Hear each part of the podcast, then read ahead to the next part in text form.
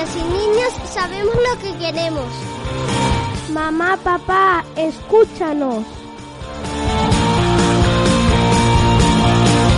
Desedúcate, lo programa de Radio Matarraña sobre crianza. Siento que llegó nuestra hora. Esta es nuestra revolución. Revolución. I tornem a estar dimarts i una setmana més comença l'espai de Ràdio Matarranya dedicat a la criança, Deseducat. Setmana a setmana la educadora Esther Blanco ens porta nous temes que ens donarà llum sobre com criar els nostres xiquets i xiquetes. Avui anem a parlar de les redes de apoyo. Ella ens explicarà. Bon dia, buenos días, Esther. Buenos días, Sabina, ¿qué tal? Bueno, tratamos hoy las redes de apoyo para los que nos suena un poco a chino. Eso explícanos un poco, ¿qué es? bueno, esto que suena tan novedoso realmente no es tan novedoso. Es algo que se ha hecho de toda la vida, que seguramente hacían ya nuestras madres y nuestros padres cuando nosotros éramos pequeñitos, pero que poco a poco se ha ido perdiendo y, y ha dado lugar a lo que se llama hoy en día la familia mononuclear. Hoy en día parece que cada uno se encierra en su casa y no sabe nada de la vida de sus vecinos y no se hace tanta vida comunitaria como antes.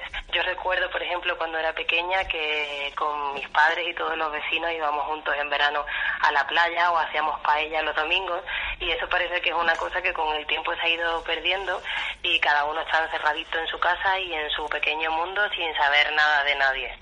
Entonces, los grupos de apoyo no es más que volver a recuperar esto que se vivía hace 30, 40, 50 años, porque la crianza compartida ya sabemos que es muchísimo más fácil. De hecho, incluso en, en la misma pareja, cuando hay una separación, nos damos cuenta que, que, la, crianza se hace, se vuelve muchísimo más complicado. Y eso que se pasa de uno a dos, que es bastante sencillo, ¿no? Pues el cambio de cuando se pasa una pareja a ser diez adultos eh, que se combinan para criar a niños, claro, la, las mejoras son indescriptibles, vaya. Eh, bueno, es que en verdad estás explicando un suceso, ¿no? Que, que, que, bueno, que es que hoy en día somos muy individualistas. Eh, eso es lo que ha pasado en las últimas décadas, sobre todo a partir de los 60 y los 70.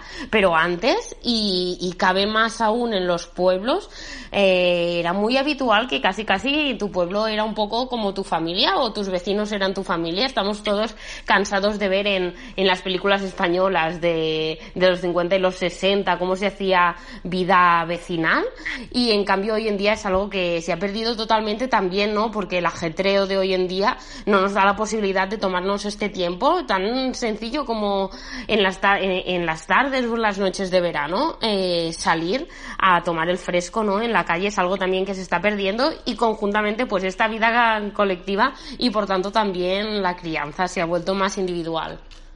Sí, yo creo que esto es justo lo que ha pasado. Eh, vivimos en la sociedad cada vez más del miedo. Eh, la tele, por ejemplo, infunde muchos temores, es normal, vamos escuchando noticias eh, que nos hacen desconfiar incluso de, del, del vecino de la puerta de al lado. Y entonces esto, bueno, nos ha creado cada vez más recelo y ha hecho que, que vivamos nuestra vida con nuestros cuatro amigos íntimos o nuestra familia más directa y cada uno haciendo su vida. De hecho, bueno, se ha pasado de dejar eh, los niños con amigos y con abuelos y hacer una crianza más compartida a contratar a gente para que nos cuiden a los niños o que florezcan las ludotecas, las guarderías y sitios así. Entonces, ¿qué pasa? Eh, le, como, bueno, hablamos desde hace varias semanas que, que esto del confinamiento tendría su parte positiva y su parte negativa. Pues bueno, a mí me gusta hablar más de las partes positivas, ¿por qué no? Y una de las partes positivas que ha tenido es que, claro, nos hemos visto solos en nuestras casas.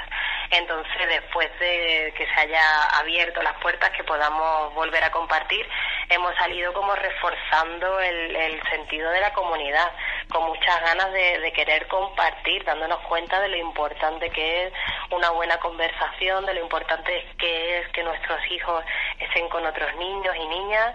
Eh, claro, porque hay muchísima gente que realmente lo ha pasado mal, han sido casi tres meses encerrados en casa, viéndonos las caras cada día las mismas personas y que yo creo que, que puede ser una cosa, aparte de que nos facilita la vida, que puede ser muy bonita, eh, que puede ser una gran herramienta de crecimiento. Bueno, porque hay tantos grupos de apoyo como podamos inventar o crear. Por ejemplo, em, hay grupos de apoyo con el tema de, las comidas. Ahora cuando llega el verano eh, es un tiempo bastante delicado con respecto a la crianza porque hay muchas familias en las que el padre y la madre están trabajando y claro, los hijos están en casa, no hay colegio, no hay extraescolares normalmente en verano, entonces claro, hay muchas horas que se nos quedan colgadas, que no sabemos qué hacer con nuestros hijos. Eh, lo normal es siempre tirar de abuelos, tíos, tías y familia más directa, pero hay veces que, que sabemos que, que bueno, que nuestros padres, es decir, los abuelos de los niños están mayores y al igual no pueden pasar tanto tiempo con ellos o que al igual no es tan divertido como a nosotros nos gustaría. Entonces, a partir de aquí se crea la necesidad de crear grupos de apoyo. ¿Esto qué es? Formar un grupo a partir de gente con la que tienes afinidad, es decir, gente eh, que se alimente de la misma manera de que tú o tenga la misma filosofía de vida o piense en educación, tenga los mismos valores y piense de una forma similar a la tuya, o gente que simplemente te guste por las virtudes que tenga y, tú dices, bueno, pues me parece que puede ser bastante eh, positivo dejar a mis hijos con estas personas. Entonces, pues a partir de aquí eh, se puede crear, por eso, eh, esto que te digo, de grupos de, alimentación, grupos de apoyo con respecto a la alimentación. Se crean eh, estos grupos que te digo, me estoy repitiendo mucho, y, y, se hace un cuadrante de comidas. Pues, por ejemplo, yo me comprometo el lunes a hacer lentejas. ¿Quién más quiere que, que yo haga reparto de lentejas el lunes? Ah, pues mira, a mí me iría muy bien eh, que me llevaras un tupper para tres, o a mí me iría muy bien un tupper para dos, o a mí incluso lo que me iría bien es poder llevar a mis hijos a casa y que comieran allí porque yo estoy trabajando.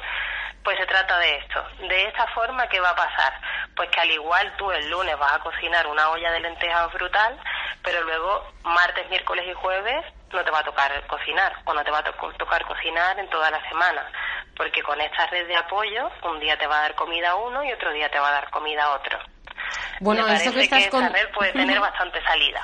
Eso que estás contando suena súper bien, pero me imagino que quien nos está escuchando, la primera pregunta que se hace es, ¿cómo yo encuentro a gente que quiera hacer esto? Claro, bueno, lo normal es que te organices con, con tus amigos. Y lo guapo es que cuando las ideas son buenas, eh, crece muchísimo. Nosotros, por ejemplo, en el Matarraña hemos hecho hace muy poquito una red de apoyo para, para acompañar a nuestros hijos en verano y empezamos al igual siendo cuatro o cinco familias y te digo que ahora al igual somos 15 familias. Es decir, que las ideas cuando son buenas y yo creo que, que, que se expanden, que se expanden, que crecen como la espuma, vaya. Y, y es solamente, bueno, pues tener paciencia. Al igual tú al principio te organizas con tus dos buenas amigas pero poquito a poco se va sumando gente. Lo normal es, bueno, hoy que tenemos todos móvil encima, lo normal es pues, crear un grupito de WhatsApp, la verdad, es lo más fácil, ¿no? Lo más sencillo. Y poquito a poco, a ver, tampoco le vas a dar publicidad, ¿no? en grupos grandes, pero lo normal es que poquito a poco se te, se te vaya, se te vaya sumando gente. Es que se te puede sumar gente con esto de redes de comida, no hace falta que al igual sea tu grupito de amigas o de amigos y que todos tengáis la misma edad, es que al igual se te suma una señora mayor del pueblo en el que estás viviendo que cocina de lujo y, y, que además le apetece, que es una forma muy bonita también de relacionarse, ¿no?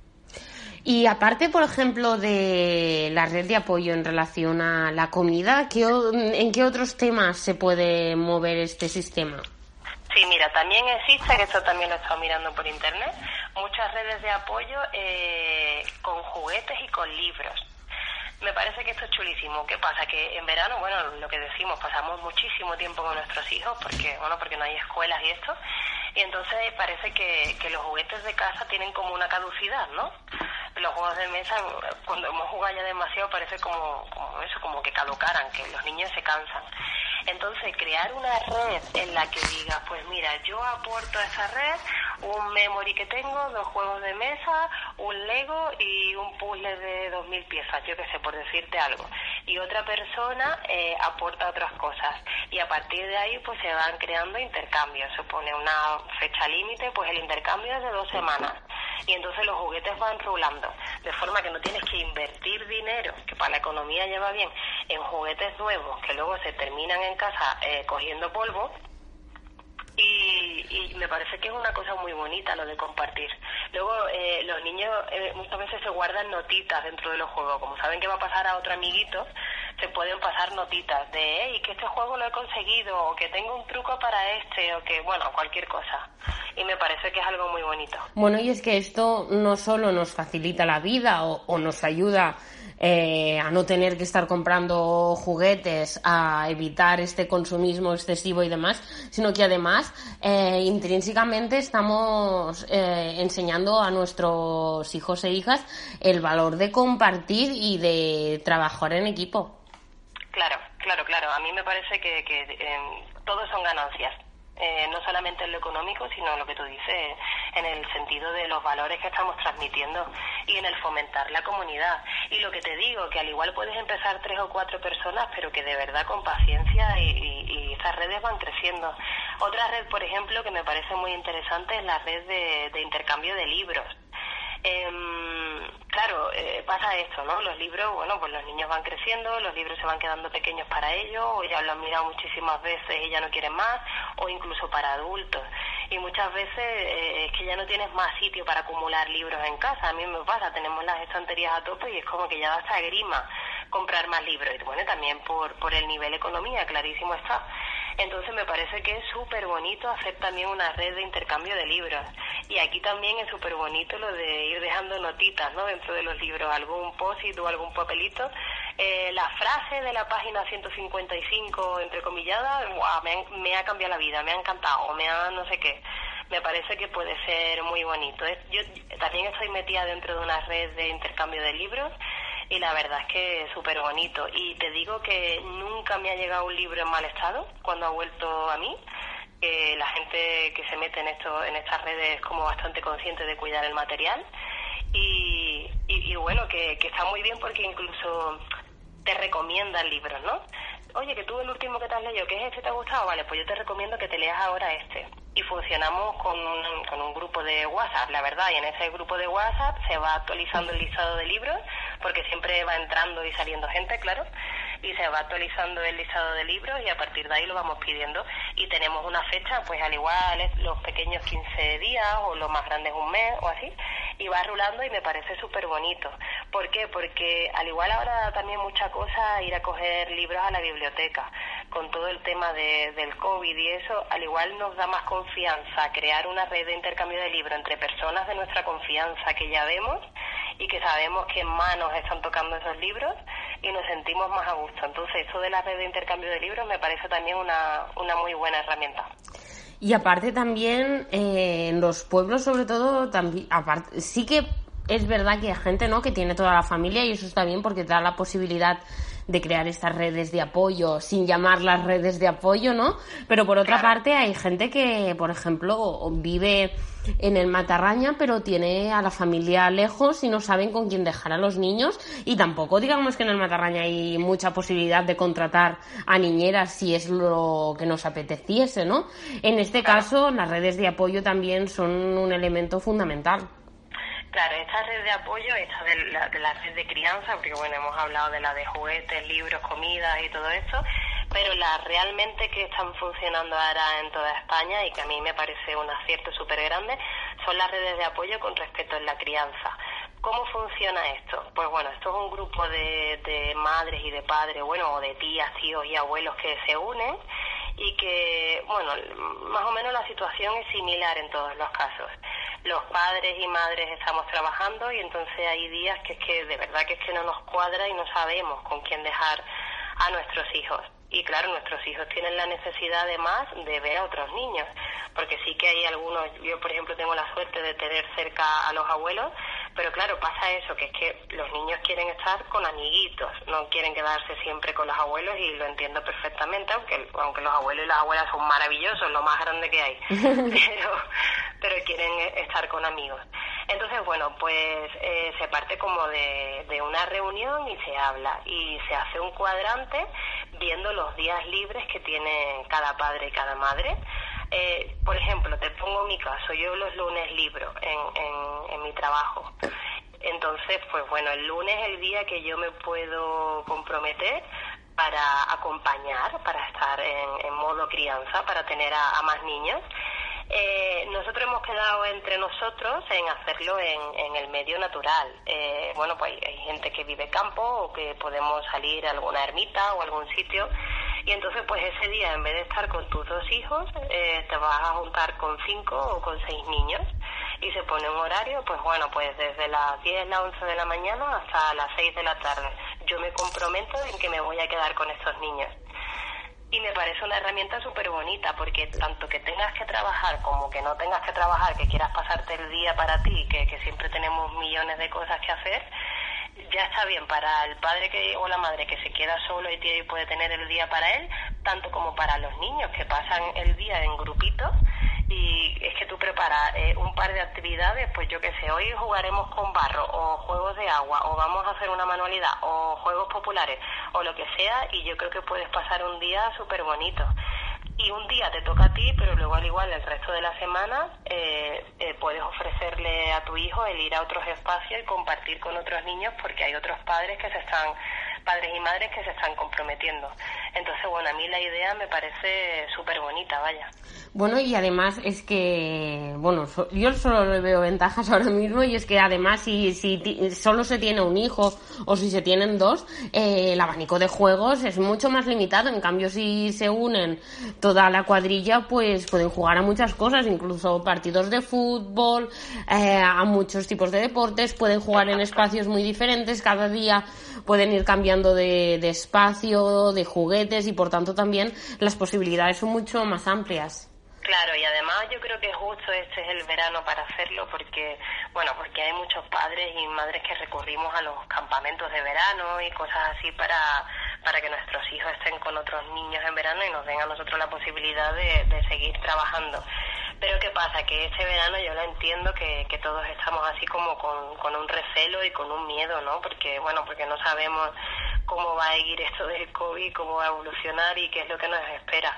Entonces, bueno, cuando formas un grupo de crianza, al final te asegura de que tus hijos están con, con la gente que tú controlas con quien quieres tú que esté, ¿no? No, no hay gente desconocida que tú no conoces, que no sabes de dónde viene. Que yo creo que ese verano, lo de estar en, en petit comité, que te suele decir, nos da como más seguridad, aunque luego mm, no tenga nada que ver y puedan pasar 10.000 cosas, pero por lo pronto nos da como más tranquilidad y más seguridad que ya va bien a la hora de, de dejar tu hijo, a tu hijo o a tu hija para, para irte a trabajar, claro. Y tú, por ejemplo, que participas en estos espacios o en estos grupos de crianza, cuéntanos cuál es tu experiencia, cómo te ha ayudado a ti, pero también qué les ha aportado a tus hijos. Bueno, es que ya sabemos que, que cuando los niños comparten, yo también soy partidaria ¿eh? de que los niños tienen que pasar tiempo solas. De hecho, yo, por ejemplo, en mi caso que tengo dos, yo lo veo, que hay veces que, es que necesitan incluso estar separados entre ellos y conectarse con ellos mismos, porque cuando los niños están todo el tiempo con otros niños, de alguna forma eh, se arrastran, los unos a los otros se arrastran. También nos pasa a los adultos, cuando estamos en grupo nos vemos arrastrados, ¿no? No, no somos nosotros al igual 100%, vas cediendo de tu espacio personal en pos de una armonía eh, de comunidad, por decirlo de alguna manera. Yo creo que con los niños también pasa eso y cuando se quedan solos se conectan mucho con quiénes son ellos y qué es lo que quieren y en qué momento vital están. Entonces, partiendo de esta base, que no es que tengan que estar 24 horas con otros niños, yo creo, eh, creo que cuando comparten el espacio con otros niños de su edad o incluso de todas las edades, que me parece mucho más enriquecedor, eh, se ganan muchas cosas. Eh, se gana sobre todo en valores, en, el respeto, en la paciencia, en la empatía, en, el compartir. Todas estas cosas se ganan. Y luego las actividades de grupo a mí me parece que, que son la preparación para, para crear un mundo mejor el día de mañana. Las actividades grupales, eh, simplemente hacer una manualidad en la que hay una sola tijera y un solo bote de pegamento y los niños tienen que no apropiársela, sino que usarla de forma responsable para pasársela al compañero, ese gesto que parece tan pequeñito, es un mundo, es un mundo. Que los niños puedan llegar a este respeto y a ese compartir, es que esto es una gran empresa el día de mañana. Total, totalmente, y es que además esto es para lo que se está educando hoy en día cuando se habla de innovación educativa, uno de los puntos es este, es el de enseñar a, compartir, a colaborar y a cooperar, porque al final eh, se está viendo que los trabajos de hoy y también los del futuro van vinculados a esto, no tanto a la individualidad, sino a ser capaces de compartir y cooperar. Exactamente. Y bueno, y al final yo creo que, que los conceptos de empresa también tendrán que cambiar y verse que como que todos formamos parte de un engranaje y que no todos tenemos ni los mismos valores, ni las mismas aptitudes, ni las mismas capacidades y que todo suma y todo enriquece. Y eso cuando tú le proporcionas a los niños la capacidad de verse en grupo y que no todos tengan que tener la misma función, sino respetar que cada uno está en su etapa y su nivel, pero que todo suma y que todo va a crear algo especial, eh, da, mucho juego y mucho aprendizaje para el día de mañana. Y claro, yo, toda esta perspectiva siempre para mí es desde, desde, desde el aire libre, ¿eh? Eh, que cuando se hacen estas redes de apoyo también es por el hecho de que, claro, cuando tú vas a dejar a tus hijos en casa de una tía, un tío, una abuela, un abuelo, a no ser que, que vivan en el campo y que tengan un espacio muy preparado, lo normal es que los abuelos tampoco puedan pasarse el día, ahora me lo llevo al río, ahora me lo llevo al parque, ahora me lo llevo aquí, ahora me lo llevo allí. Entonces, cuando se crean esas redes de apoyo, como al igual te toca acompañar una vez a la semana, pues esa vez a la semana tú te lo planteas de hago el esfuerzo grande que tenga que hacer para para que todo se dé al aire libre, ¿no? Que al aire libre, bueno, yo creo que, que la verdadera escuela y el verdadero aprendizaje está en, la tierra y en el agua y en el aire, siempre lo digo. Sí, esto lo hemos comentado varias veces aquí en la radio. Además, el tema, bueno, el tema que estamos tratando hoy, las redes de apoyo, ¿crees que son más fáciles de crear o más convenientes en las zonas rurales, que quizás en la ciudad sea más difícil o no? Pues de hecho, sobre todo donde se está dando es en, en las ciudades, ¿eh? Es más, eh, yo creo que esa necesidad se da más en la ciudad que, en el pueblo.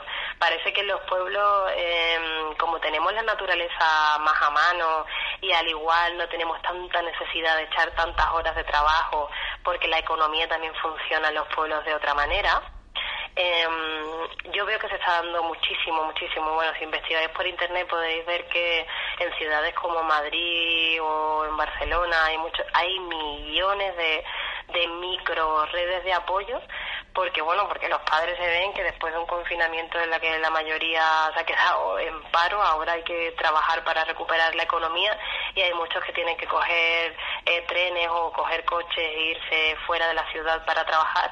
Entonces claro a la hora de, de acompañar a los niños esto se hace muy complicado. Así que son muy necesarias las redes de apoyo. Claro ellos lo tienen más difícil para ir a la naturaleza pero bueno al final te buscas la vida como puedas para encontrar un sitio donde los niños estén a gusto, piscinas comunitarias o pequeños ríos, eh, bueno, en fin, que, que siempre al final si quieres puedes encontrar sitios.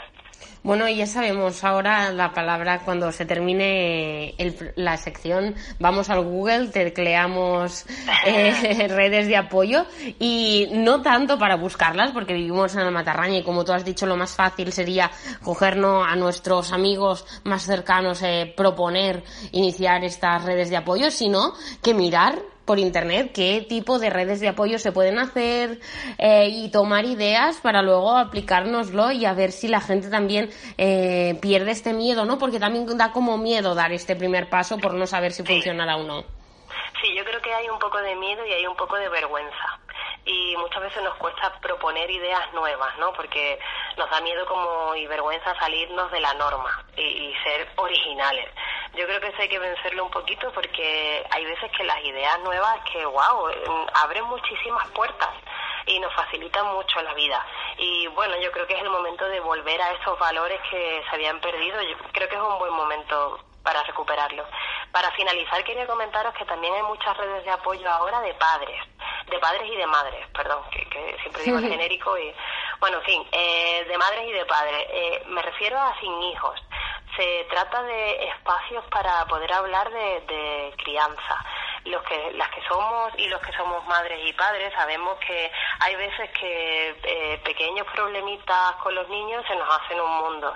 Eh, yo qué sé, desde cómo quitar eh, la teta, el chupete, el pañal, hasta nuestros hijos adolescentes que sentimos que están perdidos, yo qué sé, hay tantísimas etapas y tantos problemas como niños hay, vaya.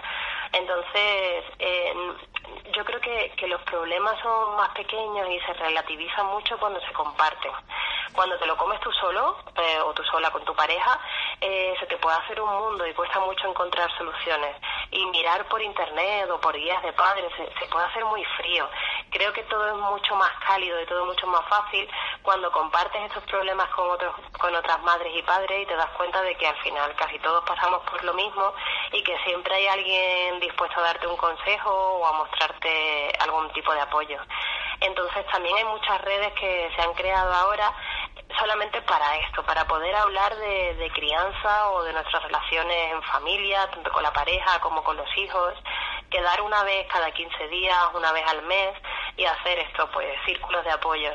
Eh, hay veces que se turnan padres y madres para quedarse con los niños, pues hay, yo qué sé, te digo, cuatro padres o cuatro madres que no van a participar en este círculo de, de, apoyo de padres y se van a quedar con los niños jugando o haciendo alguna cosa mientras mientras los padres tienen esta reunión y las madres. Y, y bueno y se van turnando y así no hay nadie que que se quede sin, vaya. Uh -huh. Me parece una idea muy bonita. Sí, eso de compartir las ideas y, y las perspectivas um, de manera conjunta entre los padres y las madres también me parece muy interesante para seguir avanzando en crianza. Es, uh -huh. Esther Blanco, educadora, como siempre, muchas gracias por haber estado en Radio Matarraña hoy hablando de redes de apoyo. Muchísimas gracias, Sabina, a ti. Todas las niñas y niños sabemos lo que queremos. Mamá, papá, escúchanos. Desedúcate, lo programa de Radio Matarraña sobre crianza. Siento que llegó nuestra hora.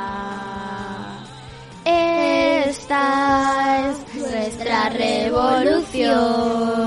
Revolución.